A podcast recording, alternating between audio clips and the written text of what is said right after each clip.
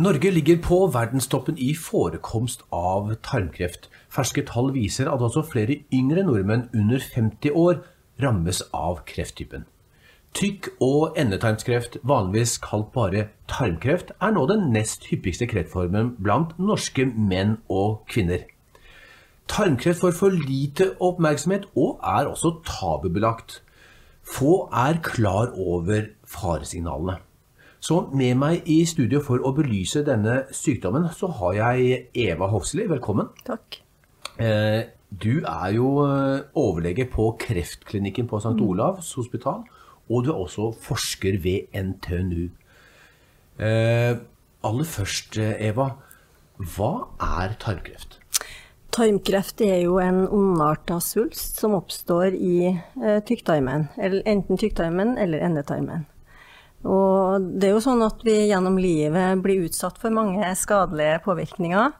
Og da er det sånn at uh, arvematerialet vårt, i, altså DNA, i en uh, tarmepitelcelle f.eks. blir endra. Heldigvis er det jo sånn at vi har uh, veldig gode reparasjonsmekanismer, men av og til så klarer vi ikke å på en måte reparere godt nok. Så etter hvert så vil det oppstå flere og flere forandringer i DNA-et, det vi kaller f.eks. mutasjon. Og på et eller annet tidspunkt så vil det jo da bli en ondarta kreftsvulst. Og det betyr jo det at uh, den cella ikke dør som den kanskje skal gjøre, men den fortsetter å dele mm. seg, og til slutt så får vi da en kreftsvulst. Mm. Så, så, det er årsakene til, til, eh, tarmkreft. Men hva er forekomsten av dette? Altså, jeg, jeg, sa innledningsvis at dette er den nest største kreftformen i Norge. Hvor mange er det som får uh, denne krefttypen? Det er faktisk De siste tallene viser at uh, over 4600 mm. får denne sykdommen hvert år. Uh, fordelt på menn og kvinner, da. Mm. Så det er den nest hyppigste kreftformen vi har i Norge. Men, men, det er veldig mange som altså Folk har hørt om brystkreft, ja. prostatakreft, ja. men tarmkreft det har vi selvfølgelig hørt om. Men vi mm. tenker ikke at det er den nest største? Nei, jeg tenker det at eh, tarmkreft har nok hatt altfor liten oppmerksomhet. Eh, i media f.eks. Og det skyldes, tror jeg, at eh, det med tarmen er litt sånn tabubelagt. Mm. Eh, det er ikke så inn å snakke om blod i avføringa, slim, eller at du må mm, ikke får tømt tarmen din. Mm. Jeg tror det ligger litt der, altså at det har vært tabubelagt, rett og slett. Mm. Men like fullt, det har vært en tredobling av tilfellene med tarmkreft i de siste 50 årene. Og det er også like mange menn som kvinner som får det. Det er jo veldig spesielt. Hva, hva, skyldes at, eh, at, eh, så mange flere får tarmkreft nå enn for 50 eh, år siden? Det skyldes nok flere ting. En ting er jo at krefttilfeller generelt vil jo øke, for vi vet at kreft generelt er en, en sykdom som rammer de eldre. Og vi er jo flere i Norge i dag enn vi var for 50 år siden, så det er jo en naturlig forklaring. men Eh, hvis, eh, altså, poenget er også at Norge faktisk er på verdenstoppen når det gjelder forekomst. Mm. Og vi skiller oss eh, bl.a. ut i forhold til naboland som vi liker å, å sammenligne oss med, f.eks. Sverige. Mm. Sånn at det er litt en gåte hvorfor vi har så høy forekomst i Norge. Mm. Men vi kjenner jo litt med tanke på årsakene eller risikofaktorer mm. for å få denne sykdommen. Ja, la, la oss ta det. Altså, det er klart, Alder er selvfølgelig, mm. som all annen sykdom, en, en viktig faktor. Men, men, så la oss mm. i prinsippet se bort fra det. Men når du blir 70 år, så øker mm. mm. sjansen på alle sykdommer, også mm. denne kreftformen. Mm. Men hva er de tingene som da fører til, fører til tarmkreft? Ja. Ca. 3 er rent arvelig eh, tarmkreft, mm. hvor vi har forskjellige genfeil som vi kjenner til. Mm. Så regner vi med at ca. 20% har en sånn familiær sårbarhet. Det betyr, betyr, det at vi kjenner ikke genfeilen, men vi ser en opphopning i familien. Mm.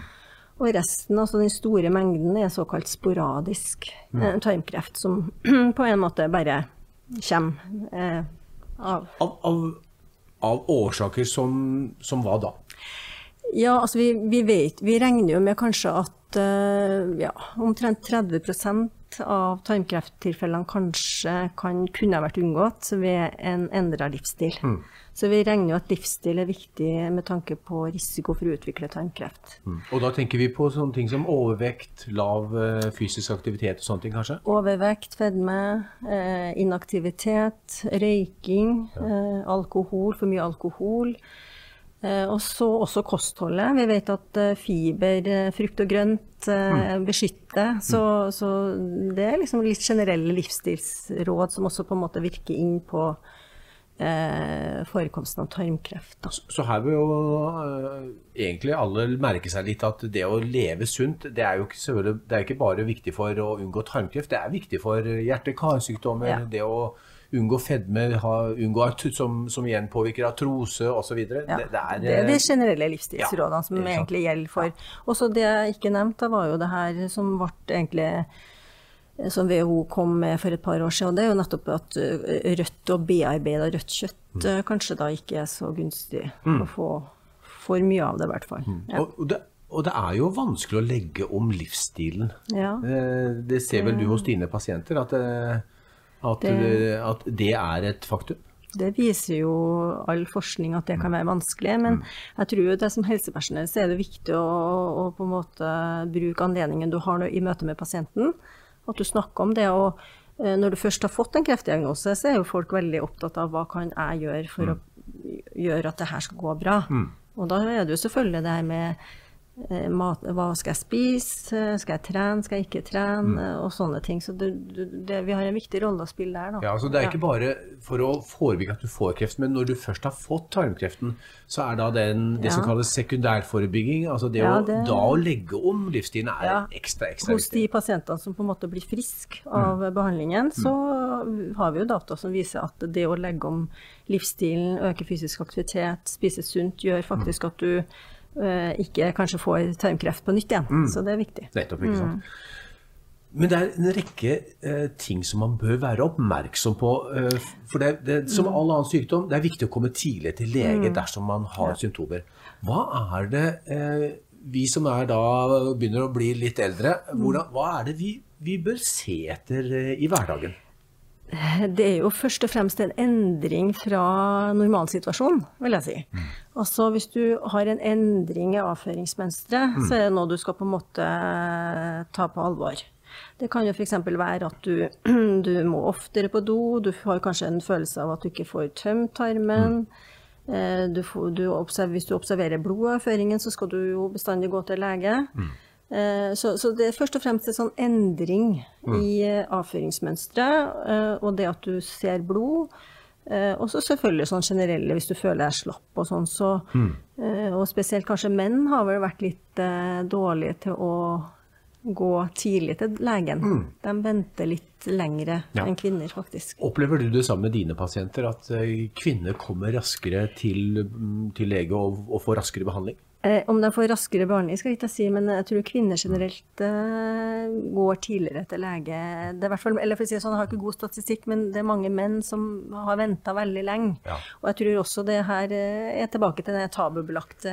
Det, det, er ikke så hyggelig å, å snakke om at du eh, har problemer med avføringen. Det er liksom litt Nei, det er lettere liksom. mm. hvis du mm. observerer en kul i brystet, f.eks. Ja, ja, det er mer akseptert. Ja. Mm. Men eh, blod og slim i avføringen endret avføringsmønster. Hvor lenge skal jeg vente da til eh, jeg, hvis jeg opplever det, hvor lenge skal jeg vente før jeg går til fastlegen min? da? Ja, Det er det vanskelig å si. da, For at en endring i avføringen, da tenker vi jo det at det må jo være kanskje litt over uker. For ja. det kan jo være endring i avføringen ved at du har vært på en sydentur eller noe mm. sånt, selvfølgelig. Ja. Men uh, hvis det vedvarer, og du har hatt veldig regelmessig avføring før, så jo, skal du ikke vente for mange uker. Og mm. hvis du ser blod i avføringen, enten at det, du ser skikkelig blod i toalettskåla, eller at du, mm. når du tørker deg, så, mm. så krever det at du får en undersøkelse hos fastlegen din. Mm. Og hva gjør han da, eller hun da?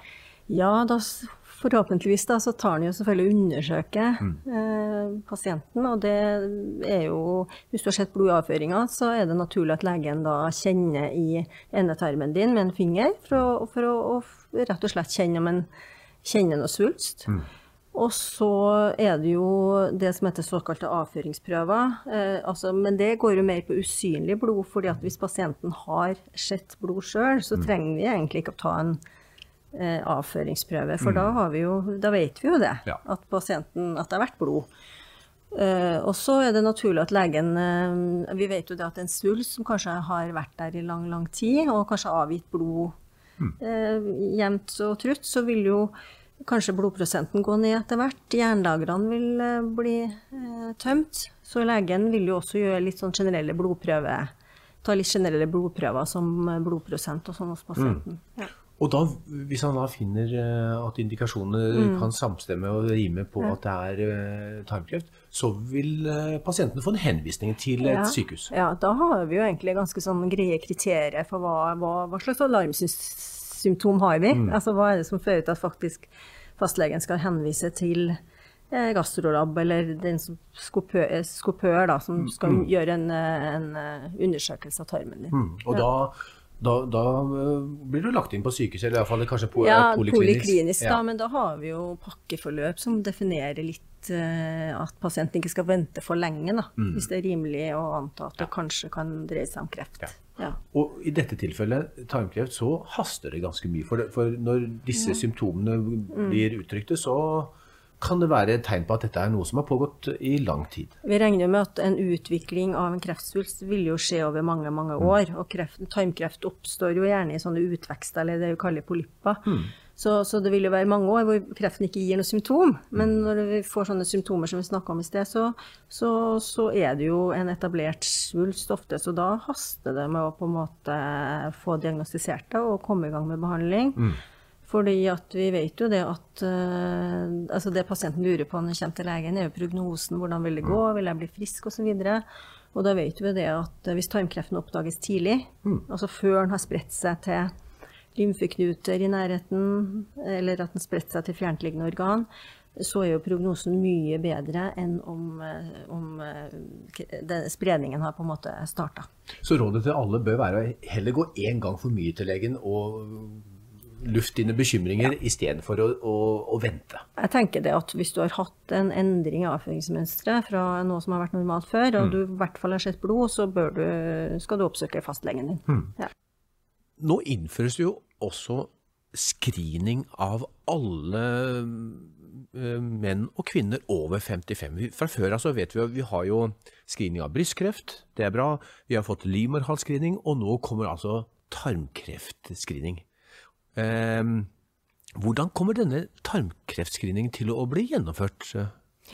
Eh, For det første så vil det være det året du fyller 55 år at du vil få invitasjon til å delta i screening. Eh, Og så har vi i utgangspunktet flere metoder å skrine på. på da. Vi har bl.a. å teste for eh, usynlig blod i avføringen ved at det tas en avføringsprøve som pasienten sender inn. Eller at eh, pasienten må på sykehuset og gjennomgå en koloskopi da, hvor legen kikker inn i tarmen.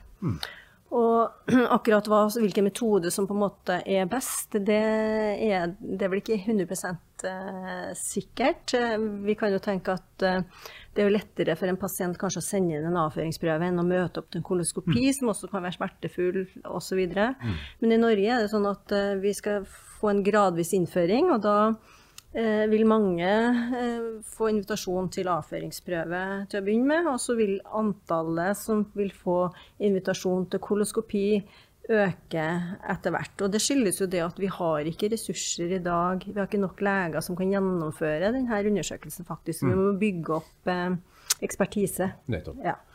Og hva kommer dette til, denne screeningen, hva kommer dette til å bety for muligheten til å oppdage flere krefttilfeller tidligere? Ja, det vil jo Det viser jo for så vidt resultat fra eh, andre steder at, eh, at eh, vi vil jo ha mulighet til å oppdage kreften på et tidligere tidspunkt.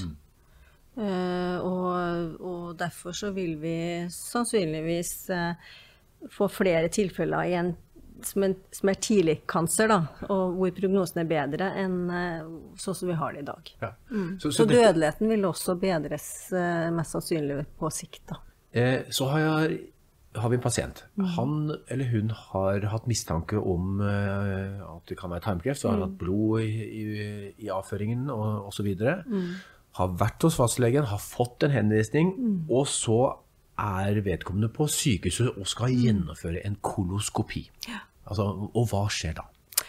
Det, da skjer det jo rett og slett at legen fører en, en, en slynge på en måte opp gjennom tarmen, hvor man kan se liksom, innsiden av tarmen. Se om det er polypper, eller om det rett og slett er en eh, kreftsvulst som sitter der. Og hvis, eh, hvis legen ser en kreftsvulst, eller, så kan den ta en vevsprøve for å få bekrefta at det her virkelig er kreft. Så det, så det, blir jo gjort der og da. Mm. Og hvis eh, legen er nokså sikker på at det her er en kreftsvulst, for det kan en på en måte se litt på størrelsen og hvordan den ser ut, så, så, trykkes det på en måte på en sånn knapp, da. At vi har et det som heter pakkeforløp. Mm. Og da pasienten er for så vidt inne i pakkeforløpet allerede når han kommer til koloskopi, men, men da vil det jo bli bestilt utredning med CT for å se om kreften har spredt seg til Mm. eh, fjerntliggende organ. Eh, Og så, og så starter liksom snøballen å rulle, og så vil jo pasienten etter hvert få en time på kirurgisk eh, poliklinikk med tanke på eh, å høre om en kan opereres, eller om det må andre behandlingstiltak til først. Da. Mm. Men operasjon er jo det vi gjør først og fremst hvis svulsten ikke har spredt seg til fjerntliggende organ. Da. Vi skal snakke mer om behandling i neste podkast, men du sier operasjon. Hvilke andre behandlingsmuligheter eh, og, finnes. Ja. Ja. Altså kan kanskje, vi gir jo både cellegiftbehandling og strålebehandling. Og strålebehandling gir vi jo ved endetarmskreft. Det er faktisk sånn at kanskje 30% eller det har vært oppe i 40 òg, av pasienter som får påvist kreft i endetarmen, må gjennom eh, strålebehandling mm. før de blir operert. Så da får de som regel en sånn strålebehandling som strekker seg over fem uker. Og så venter vi faktisk, eh, og det er litt rart for pasienten, for vi venter kanskje en åtte til ti uker før vi går inn og opererer. Og det er fordi at svulsten, vi vet at svulsten kan skrumpe over tid. Eh, Sånn at faktisk kanskje oppimot 10% kan kanskje forsvinne helt. Oi. Så, men det, det er ikke etablert, og der har vi en studie i Norge som går faktisk for å se på det. Da. Ja, Så det er en langvarig Ja. eh, behandlingsperiode. Da. Men, men da er eh, pasienten der inne i et pakkeforløp, tatt Mm. godt vare på sykehuset. Da, da, da, da får han og hun den oppfølgingen Ja. i, til riktig tid. Ja. Ja. det, Pakkeforløp eh, var en ting som myndighetene innførte for en del år tilbake, nettopp for å sikre at pasientene, uansett hvor du bor, om du bor i Oslo eller om du bor langt nord, eller at du får en rask eh, behandling uten eh, unødvendige forsinkelser. Så er det jo sånn av og til at vi som fagpersoner i de her multidisiplinære teamene trenger litt tid på å vurdere hva er riktig å gjøre i den situasjonen. Mm. Men pakkeforløpene har nok ført til at eh, utredningstida eh, og tida som går før pasienten får behandling, har eh, gått ned på de stedene hvor det tok lengre tid da før i tida. Mm. Så da er vi i hvert fall i gode hender. Det, det er bra. Eh, Norge ligger på verdenstoppen i dette. Det er viktig for, for alle og for den enkelte pasient at hun og han har fokus på symptomene. Det slår vi et ekstra slag for. Eh, så skal vi snakke mer i en en ny podkast om eh, behandling og, og, og oppfølging av pasientene. Tusen hjertelig takk for at du ville komme og dele dine kunnskaper med oss og alle lytterne. Så, så ses vi igjen veldig snart. Tusen takk.